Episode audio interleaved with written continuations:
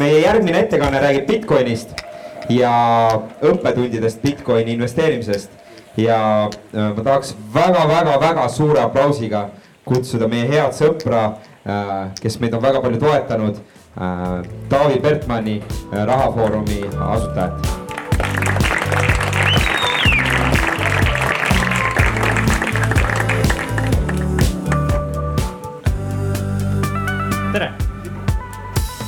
töötab ka? ma ise ei kuule. nii äh,, kes teab, millega ma tegelen? no pooled, teeme siis hästi kiire kokkuvõtte. et mina olen Taavi Bertmann äh,. umbes kaheksa aastat olen kirjutanud Rahafoorumis blogi, kuuskümmend episoodi olen lindistanud Raha raadiot äh, ja ja Rahatasku lehel teeme online kursusi ja, ja sügisel paar live üritust ka. et see on siis tegemised lühidalt kokkuvõttes. Aga äh, selleks, et te lihtsalt minuga tutvuks, tutvuge ka üksteisega ehk siis teeme kiirelt äh,. pöörame näo selles suunas, kus on inimene, keda sa juba ei tea, ütle talle tere ja ütle ühe lausega, mis sa Bitcoinist arvad. väga hea, päris pikad laused. hea küll, tuju läks lõbusaks, nii et tundub, et huvitavad arvamused, tuleme tagasi mul praegu on vaja ühte kiiret vabatahtlikku. Ainulaadne võimalus, ainult üks inimene saab tulla siia ette.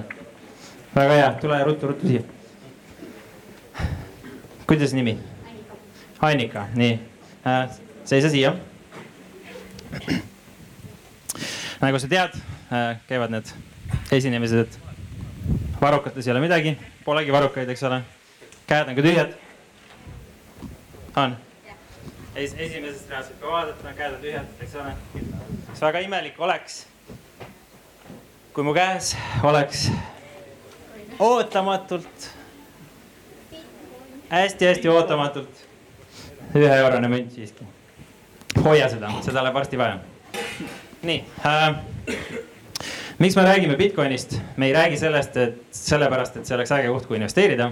me räägime sellest sellepärast et see on äge koht, kus äh, kõik asjad toimusid võimendatult ja sisuliselt ühe-kahe aastaga toimus äh, sama asi, mis, mis võib-olla kahekümne aastaga börsil toimub. ehk siis sealt on väga hea võtta õppetunde.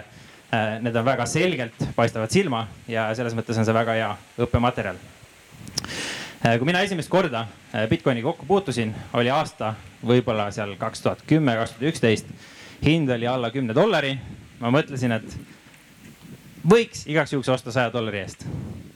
kes arvab, et see oleks olnud hea investeering? arvate, okei okay.. Täna on hind siis umbes kuus tuhat viissada midagi dollarit. teeme ühe kiire mängu. ja selleks on meil vabatahtlikku vaja, nii, kuidas su nimi oli? väga hea mälu. teeme nii, et Annika käes on münt ja sina publikus võtad ka osa. sinul on kümme eurot. ja me viskame münti kümme korda. mis tähendab seda, et sa võid iga kord otsustada, kas sa panustad ühe euro selle viske peale või ei panusta. kui sa panustad ja tuleb kiri, siis sa saad kaks koma viis eurot. jee, okei eestlaslik õnnelikkus. ja kui sa panustad ja tuleb kull, siis sa kaotad oma euro ära ja siis lõpus vaatame, kes sai kõige rohkem kokku. kes sai aru? väga hea. üks euro. Iga kord sa võid valida lihtsalt, kas sa panustad ühe euro või ei panusta. korra, korra, korraks, korraks võtame kokku, et, et kui äh, valesti läheb siis, siis äh, sada protsenti jään ilma. ja, kui läheb õigesti, siis kakssada viiskümmend, kakssada viiskümmend protsenti on siis. Äh, et selline lihtne, lihtne mäng. okay.. ja teeme ühe katsetuseks läbi, et Annika viskab meil münti. ja mina ütlen, mis tuli. kiri tuli. Mis juhtus? jee, okei olete valmis? igaks juhuks küsin, et kellel on, kellel on kaks kätt olemas? väga hea, siis äh, teeme sellist lihtsat äh, harjutust või arvestust, et kui sa panustad ja kaotad, siis paned vasaku käe peal ühe sõrme püsti. kaotad teist korda, paned teise, kolmanda, neljanda, nii edasi. kui sa võidad, siis sa paned parema käe peal ühe sõrme püsti. sest võita on parem, eks ole. Ehk siis üks, kaks, kolm, neli, viis, nii lihtne. mis vasakukäelised teevad? paremkäsi on ikka parem nii on, ühiskond on selline. aga hakkame pihta, me teeme selle kiiresti läbi, sest aega on vähe äh,. kümme korda, aga ma ütlen kõigepealt, mis tuli ja siis, siis äh, nemad saavad teha. nii, läks, olete valmis, eks? hea küll. kiri, viska. kiri, viska. Kiri tundub, et pettument on. jopas, nii, viska uuesti seljaäärvesse. kull, nii, järgmine.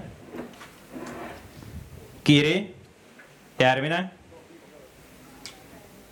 kull, järgmine. kull, meil on kuues oli või? nii. Praegu seitsmes.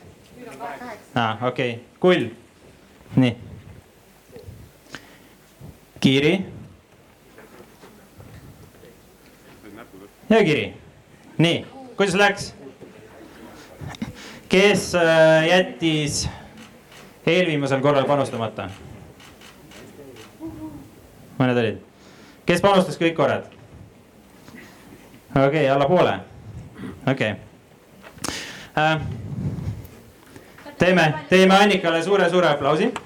aitäh, jääb sulle kingituseks äh,. nüüd äh,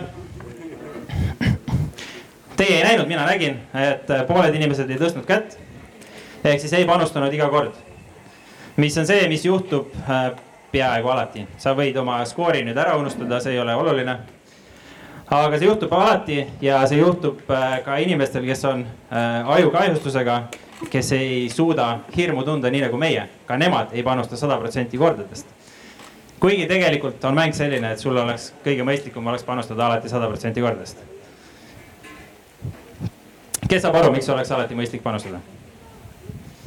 no okei okay., ühesõnaga kuna me viskame münti, siis on viiskümmend, viiskümmend tõenäosus. eeldusel, et ma lugesin neid kõiki tulemusi õigesti seal, mida ma ei teinud.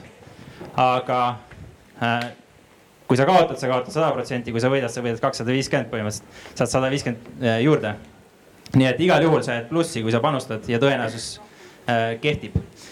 nii et äh, see on esimene õppetund, äh, mis ma Bitcoinist sain äh,, oli see, et äh, ma ei investeerinud.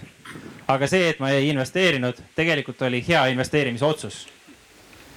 See oleks olnud hea investeering ehk ma oleks head tootlust saanud aga kui ma igale poole investeeriksin, sest et mulle tundub huvitav asi ja see on mu põhiargument, siis ma lõppkokkuvõttes kaotaksin kõik oma raha ära.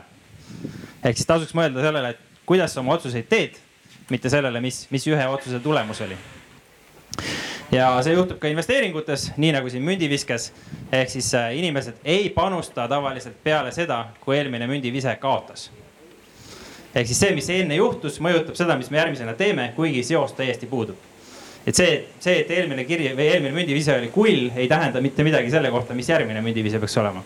aga me käitume nii, nagu tähendaks. ja seda me teeme investeerimises samamoodi. kõige levinum on see siis, äh, kui meil läheb investeerimise hästi. me mõtleme, et me tegime hea investeeringu nagu näiteks Bitcoinis, aga meie otsustusprotsess seal taga oli nii loll, et äh, kui me teeksime samamoodi, siis me lõpuks oleme pankrotis. et see on see esimene õppetund Äh, teine õppetund on see, et kuna kõik rääkisid äh, eelmisel aastal juba siis äh, Bitcoinist, kõigi vanaemad tahtsid teada, et kas tasuks osta. ja mõni inimene lubas isegi oma, oma jalge vahelt midagi ära süüa, kui see saja tuhandeni ei tõuse. siis mõtlesin, et peaks uurima, et mis värk ikkagi on, et äkki seal on midagi peidus. ja kuna ma olin seda arvamust, et see tegelikult on muljemaania siis ma teadsin, et hakkab tööle selline asi nagu kinnitusprintsiip. ehk siis äh, meil on selline huvitav kalduvus, et kui me teame midagi, äh, me arvame, et see on tõsi, siis äh, väga vahet ei ole, mis infot meile anda äh,. meie arvamus äh, saab kinnitust, et meil on tõsi, et me, see meie arvamus on tõsi. ja see on nii tugev, et isegi äh, finantsanalüütikutele anti äh, ühes eksperimendis äh, erinevate ettevõtete kohta kolmel moel infot ja siis finantsanalüütik pidi hindama, et mis see järgmine äh, kvartali käive võiks olla. ja esialgu siis äh, anti infot sellisel kujul, et seal oli ainult oluline info äh, selle käibe hindamiseks. teisel juhul anti olulist infot ja sinna oli sekka pandud ebaolulist infot. ja kolmandal juhul anti olulist infot ja pandi sinna juurde äh, veel toetavat olulist infot. lõpptulemus oli see, et tõenäoliselt selle olulise info põhjal analüütik tegi oma otsuse ära, ta enam-vähem teadis. ja siis ta luges ülejäänud infot ja see ülejäänud info kinnitas seda infot. mis lõpptulemusena juhtus see, et analüütiku enesekindlus oma arvamuse suhtes tõusis. tulemus läks halvemaks. mis veel hullem, et kui sa nüüd tead, et selline kinnitusprintsiip on olemas, siis tõenäosus, et sa selle ohvriks langed, on suurem. Sest et sa tead, mind see ju ei mõjuta tegelikult mõjutab. mida selles osas siis teha, mis minagi üritasin teha, on see, et ma küsisin endalt küsimuse, et miks Bitcoin ei ole mullis. ja siis ma uurisin, ma küsisin inimestelt, kes sellest rääkisid, kes sinna raha panid. ma uurisin teadusartikleid, ma uurisin uudisartikleid, ma lugesin raamatuid, ma vaatasin videosid, ma isegi võtsin online kursuse. ühesõnaga ma raiskasin mõttetult palju aega ja sain hästi-hästi palju põhjuseid ja argumente, et miks see Bitcoini hinnatõus on põhjendatud ja kõige ägedamad olid need, et äh, Bitcoin kaotab terrorismi ja et mina peaksin võtma rohkem positiivsuspille. ma selle positiivsuspillide kohta ma statistikat ei leidnud, nii et see võib-olla on põhjus, aga muud argumendid äh, ei tundunud väga-väga veenvad. et pigem olid seal äh, sellised head argumendid, mis justkui kinnitasid, et tegemist on sellise mulli ja, ja maaniaga hiljem muidugi selgus, et ka see oli vale tõenäoliselt, aga see juhtus hiljem. et ühesõnaga, see on see teine õppetund, et kui sa oled milles, milleski kindel, siis äh, küsi vastupidist, ürita see selgeks saada. mõnikord saad, mõnikord selgub, et võib-olla sul oli õigus. Ähm, vaadates, mis see hind tegi, siis ma julgen arvata, et mul vist oli õigus, et see hind ei olnud põhjendatud. Äh, kolmas õppetund oli see, et äh, kui sa hakkad selle Bitcoini krüptoraha kohta midagi uurima siis umbes teise nädala jooksul äh, sa hakkad vaikselt tundma, et sa saad vist aru midagi. ja siis äh, umbes äh, kaks nädalat veel peale uurimist sa hakkad aru saama, et see, mis sa aru said, oli kõik vale. sest et inimesed räägivad hästi palju valeinfot. mõned teadlikult, mõned mitte nii teadlikult. eks igalühel on seal oma, oma, oma motiivid. ehk siis kolmas õppetund tasub küsida alati kui bono ehk siis jah, ma oskan ladina keelt, guugeldada ja see tähendab seda, et kes, kes sellest kasu saab. nii et äh, ühisrahastus on selles mõttes, või see äh, krüptorahandus on selles mõttes huvitav valdkond, eriti Bitcoin, et äh, kui mõni börsiettevõtte juht räägiks selliseid jutte enda ettevõtte kohta, nagu Bitcoinis räägitakse või siis vähemalt eelmisel aastal räägiti, siis tõenäoliselt oleksid päris karmid trahvid.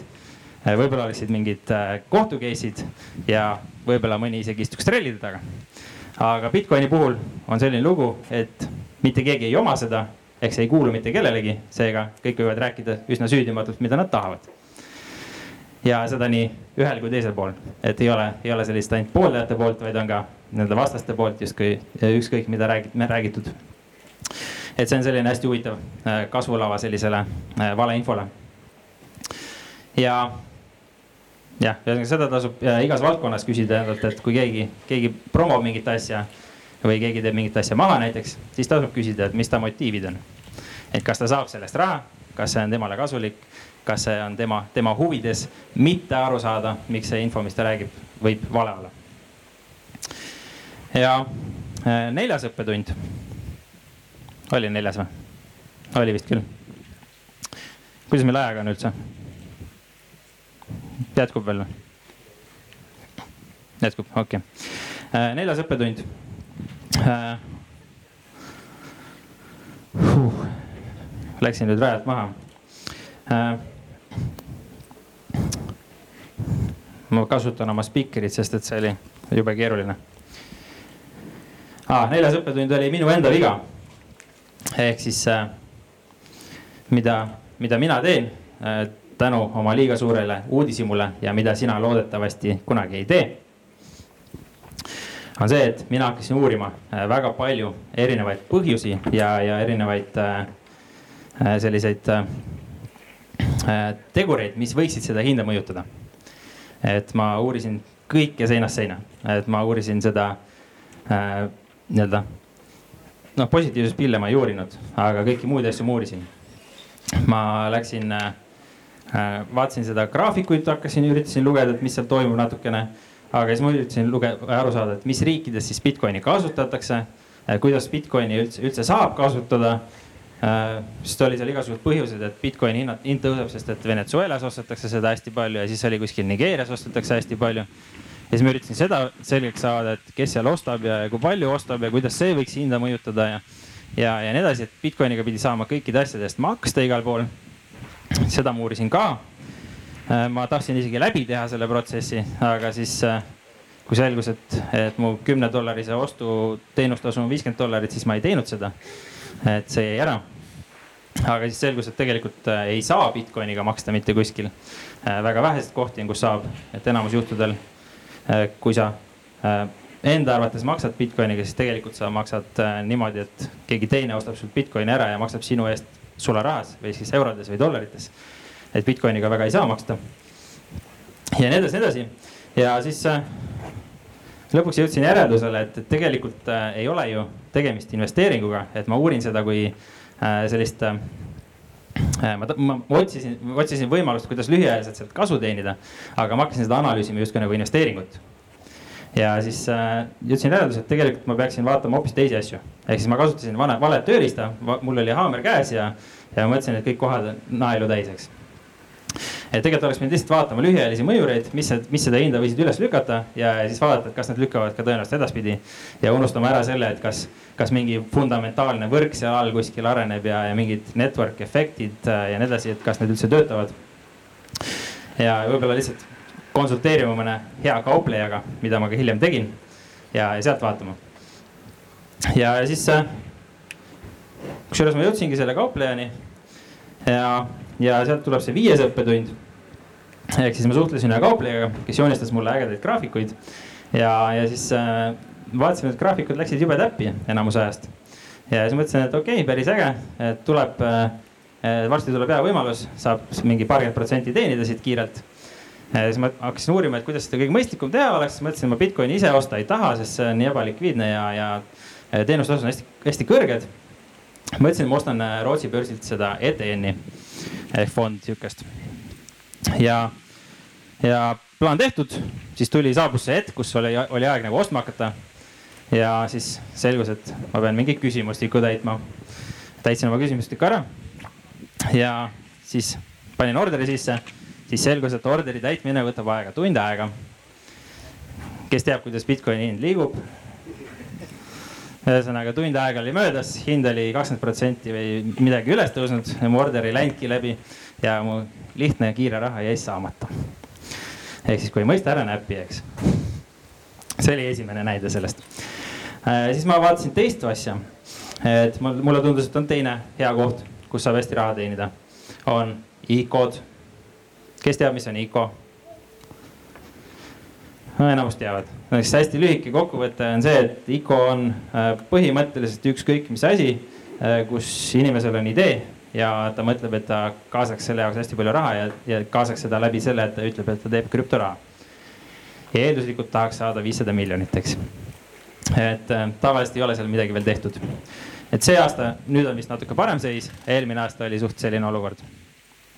Aga mis oli seal huvitav, oli see, et mulle tundus, et seal on asümmeetriline risk ehk siis äh, ma oleks võinud investeerida sajasse erinevasse ICO-sse äh, või noh, spekuleerida siis sajasse erinevasse ICO-sse. Äh, näiteks igale poole oleks pannud väikse summa. võib-olla isegi seitsekümmend, kaheksakümmend protsenti neist oleks nulli kukkunud, aga seal tundus, et iga mingi kümnes või, või iga kahekümnes tõuseb kakssada või, või lausa kaks tuhat, kaks tuhat korda, mitte isegi protsenti. Et paned sada eurot sisse, kuu aja pärast oled miljonär. et vahet pole, et sa seal seitsmekümne projektiga kõik raha ära kaotasid, siis need paar tükki toovad kõik tagasi. igal juhul tundus selline huvitav asi, mõtlesin, et äh, jällegi, kuna ma ei mõistnud, siis ma otseselt ei näppinud. mõtlesin, et teen selgeks asja. Äh, osalesin paaril sellisel äh, airdrop'il, mis on natuke sarnane ICO-ga, ainult et, et seal antakse sulle tasuta paar coin'i alguses reklaamiks nii-öelda. selgus, et, et pilt ei ole väga ilus, sest et esimene neist oli puhas skämm. ma ei tea, kas sellest on üldse midagi saanud, see on kuskil ära kadunud. teisel ma sain, et mingid mündid kätte. see on nüüd seitse või kaheksa kuud tagasi. tänaseks ei ole ühtegi kohta, kuhu ma neid endale liigutada saaks või kus ma saaks neid maha müüa, vähemalt ma ei ole leidnud. ja, aga positiivne on see, et hind on tõusnud. nii et kõik on hästi. siis ma proovisin teist asja ehk oli selline krüptomaailmas on selline asi nagu hard fork, mis äh, sisuliselt tähendab seda, et sa teed äh, copy paste ühest mündist, kopeerid selle blockchain'i ja siis sa alustad teist münti, ütled, meil on nüüd teine asi. ehk siis äh, oli kõige kuulsam ilmselt on olnud Bitcoin ja siis tuli Bitcoin Cash ja siis tuli äh, Litecoin. siis ma mõtlesin, et teeks protsessi läbi, vaataks, kuidas käib, tasuta raha, õhust trükitakse sulle juurde. ja siis tuli Litecoin Cash. ja siis ma äh, osalesin sellel seal oli kirjeldus ilusti, kuidas asi peaks toimima, et äh, tuleb Litecoin Cash, siis äh, sul on oma rahakott arvutis, kuhu sa saad selle ilusti võtta. ja siis äh, on olemas mingi kolm-neli valuutakeskkonda, mis kõik lubavad kohe sellega kauplema hakata. mis juhtus, oli see, et seda rahakotti pidi tükk aega ootama. siis õnneks oli keegi teinud hästi hea juhendi, kuidas seda kasutada ma arvan, et pooled ei saanud sellest äh, päris pikalt aru, kuidas seda kätte saada üldse, seda Litecoin Cashi. aga mul õnnestus see kätte saada. ja siis avati äh, üks turg, kus sai sellega kaubelda. aga sellel oli selline huvitav eripära, et seal said kaubelda ainult need inimesed, kellel juba seal turul seda oli. ehk siis, kui minul oli see Litecoin Cash minu, minu enda rahakotis, siis mina seal kaubelda ei saanud. ehk ma ei saanud oma Litecoini sinna viia või seda Litecoin Cashi. ja siis äh, nemad kauplesid seal väga uhkete hindadega, et oli seal mingi viis dollarit ühe, ühe selle mündi eest ja siuksed päris korralikud hinnad. õhust trükitud raha, eks. ja siis avanes mingi teine börs, kus sai seda kauplema hakata. see oli hästi uus börs. sinna sai seda viia, seal kaubeldi äh,. noh, võib-olla selline alla dollari hind vist oli alguses et äh, kujuta ette korraga kaks, kaks nagu kauplemiskeskkonda, ühes on viis dollarit, teises on üks dollar ja siis äh, äh, hästi lihtsustatult öeldes äh, on selline sait nagu CoinMarketCap, kus sa saad vaadata, kui palju mingi, mingi krüptoraha väärt on. ja siis seal võeti tükk aega võeti see hind niimoodi, et, äh, et seal ühes viie dollariga kaubeldi, teises ühe dollariga kaubeldi, keskmine hind siis, et ah, kolm dollarit. et tegelikult ei olnud peaaegu kellelgi võimalik seda kolme dollariga maha müüa. aga kui sa lihtsalt statistikat oleks vaadanud, siis oleks tundunud, et, et oh, väga hea asi, kolm dollarit maksis. et tegelik tulemus oli täiesti teistsugune muidugi see uus börs, mis lahti tehti, see kirjutas mõne aja pärast, et äh, neil on väike tehniline probleem, mille tõttu kolmkümmend protsenti rahast kadus ära. ja ajutiselt ei saa sealt raha välja võtta. ma ei tea, mis sellega hiljem juhtus, aga jah. ja siis ilmusid sinna veel mingid paar, paar sellist keskkonda, mis, millest ma ei olnud midagi kuulnud ja mida ma ei julgenud näppida ja. ja kuhu vist ei tasuks oma dokumendikoopiaid ja muid asju saata nii et need Litecoin cash'id istuvad mul seal mingi null koma mingi väärtuse peal. et nad ei ole väga midagi väärt. Eh, ehk siis äh, selgus tõsiasi, et kõik ei ole kuld, mis hiilgab. ja äh, kui sulle tundub, et kuskil on väga head tootlused, siis tasuks veenduda, kas seda tootlust ka kuidagi reaalselt kätte saab. et see, see ei ole alati nii, et seal kindlasti oli hästi palju münte, kus sai raha ja, ja ma tean hästi palju inimesi, kes on ka teeninud seal päris ulmelisi summasid. aga aga jah, pilt ei ole nii ilus, kui see tundus. palju mul aega on? natukene. hea küll, me võime teha küsimused või ma võin teha hästi kiire kokkuvõtte viiest põhimõttest, mis ma välja tõin. kas on küsimusi? teeme põhimõtted enne. okei okay,, teeme kokkuvõtte. siis ma kasutan oma spikrit, sest mul on siin hea sõnastus. et äh, esimene põhimõte on esiteks see, et äh, kui sa investeerid, siis mõtle äh, või keskendu sellele investeerimisprotsessile, et kuidas sa oma otsuseid teed. mitte ära vaata ühe tehingu tulemust. sest et äh, isegi väga-väga rumala strateegiaga on tõusval turul võimalik raha teenida. aga pikas perspektiivis sa kaotad raha ära. et kui sa tahad äh, jõuda kuhugi, siis tasub veenduda, et su strateegia on õige. teiseks, kui sulle tundub mõni asi väga-väga ahvatlev, väga hea investeering, siis küsi endalt, miks see nii ei ole. sa võid leida väga huvitavaid vastuseid. ja see ei ole minu idee, see, seda on väga paljud edukad investorid kasutanud. Ray Dalio isegi otsib endale alati vastuargumente, otsib inimesi, kes võiksid teada, miks see, miks see tema arvamus vale on ja kes on piisavalt targad, et häid argumente anda. kolmandaks, kui sa loed midagi, eriti veel meediast, siis küsi, miks see, miks see on oluline või miks, miks, miks inimene seda infot räägib.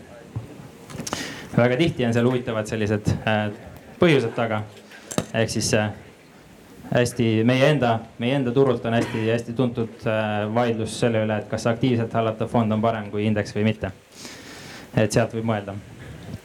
Äh, neljandaks, et äh, kui sa tahad teenida lühiajalist tootlust, siis ära tee seda viga, mis mina tegin. vaata ainult neid asju, mis mõjutavad hinda lühiajaliselt, täiesti ükskõik on nendest asjadest, mis võivad kümne aasta perspektiivis hinda mõjutada. kui sa tahad ainult üheks-kaheks kuuks sinna raha panna. ja viiendaks, et kui sa näed head diili, siis äh, veendu, et see ka päriselt on hea diil, ehk sa sealt oma raha tagasi saad. et virtuaalsed tootlused on äh, hästi levinud, aga tahaks reaalseid tootlusi. teeme suure aplausi. Aga võtame võib-olla küsimusi veel äh, krüpto kohta või Bitcoini kohta. võite julgelt tõsta kätt kui paljud on üleüldse investeerinud äh, krüptosse, tõstke üles käsi. kui paljud ei ole investeerinud? okei okay,, aga ma nägin, et seal oli küll küsimus. võtame siit ühe küsimuse.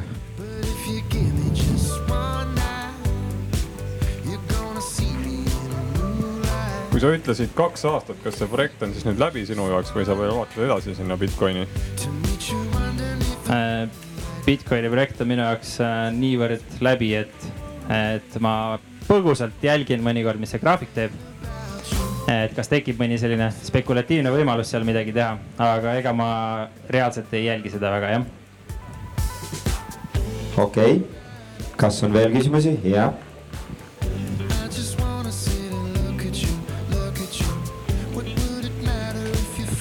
väga lihtne ja lühikene küsimus, et kas lõpuks sul õnnestus midagi teenida krüptos?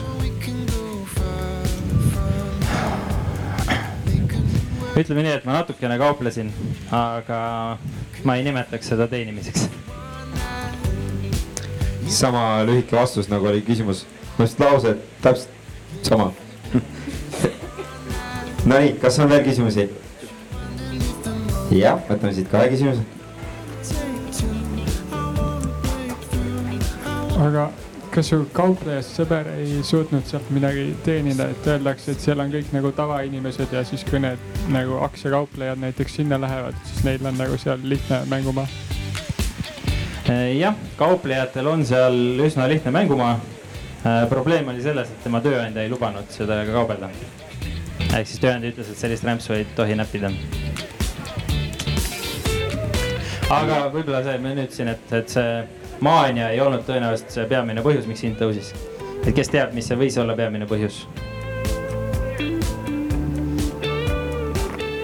ei. Fear of missing out. ei, ei olnud, see on osa maaniast tegelikult. aga hiljem selgus, äh, noh, see ei ole muidugi sada protsenti, et see nii oli, aga mõlemad suuremad tõusud, esimene oli seal kaks tuhat kaksteist, kolmteist äkki. Äh, seal oli siis äh, sisuliselt üks osapool, kes äh, tegi huvitavaid hinnamanipulatsioone, selle kohta on üks huvitav äh, uurimus, kus tuleb väga hästi välja, kuidas ja kuidas enamus hinna, hinnatõuse kerkis just tänu nendele tehingutele, kus osteti Bitcoini ilma, et nende eest midagi maksnud oleks keegi seal. ja, ja siis äh, nüüd ilmus ka teine huvitav uurimus, mida on blogides ja mujal juba ammu spekuleeritud. et Tether USD kaudu on ka hinda väga palju manipuleeritud eelmine aasta ja see on ka väga huvitav lugemine, et sealt tuli ka päris hästi välja, et väga suur osa hinnatõusust on just tingitud hinnamanipulatsiooni tõttu äh, üksikute osapoolte poolt. et selles mõttes äh, tasub nagu mõelda, et kui on selline reguleerimata turg, siis on seal ka kõik need vanad huvitavad skeemid kasutusel, mida tuhande üheksasaja kahekümnendatel aastatel USA börsil ja mujal rakendati, et, et võib ka siin mõelda, et need on tõenäoliselt siiamaani osaliselt kasutusel aga õnneks on Taavil täna nööpidega särk kinni, seega saab sealt kinni haarata ja rääkida rohkem Bitcoinist. teeme suure aplausi Taavile. üks moment. ja Taavi, meil on sulle ka väike kingitus. super ühe said, aga siis meil ei ole. väga vabandan, ma oleks võinud ise ka võtta, aga mul on olemas. aga sa siis, kui sa ühe said, meil on üks esineja kohta, aga anna mulle patsu ikka. aitäh sulle, Taavi Petman. Aga nüüd on niimoodi, et meil on tund aega pausi, siin üleval juba vist saab süüa ja jooge palju vett, puhake, tunni aja pärast kohtume täpselt kell kolm. Äh, tuleb siia siis Kaarel Ots meile rääkima, kuidas investeerida Eestisse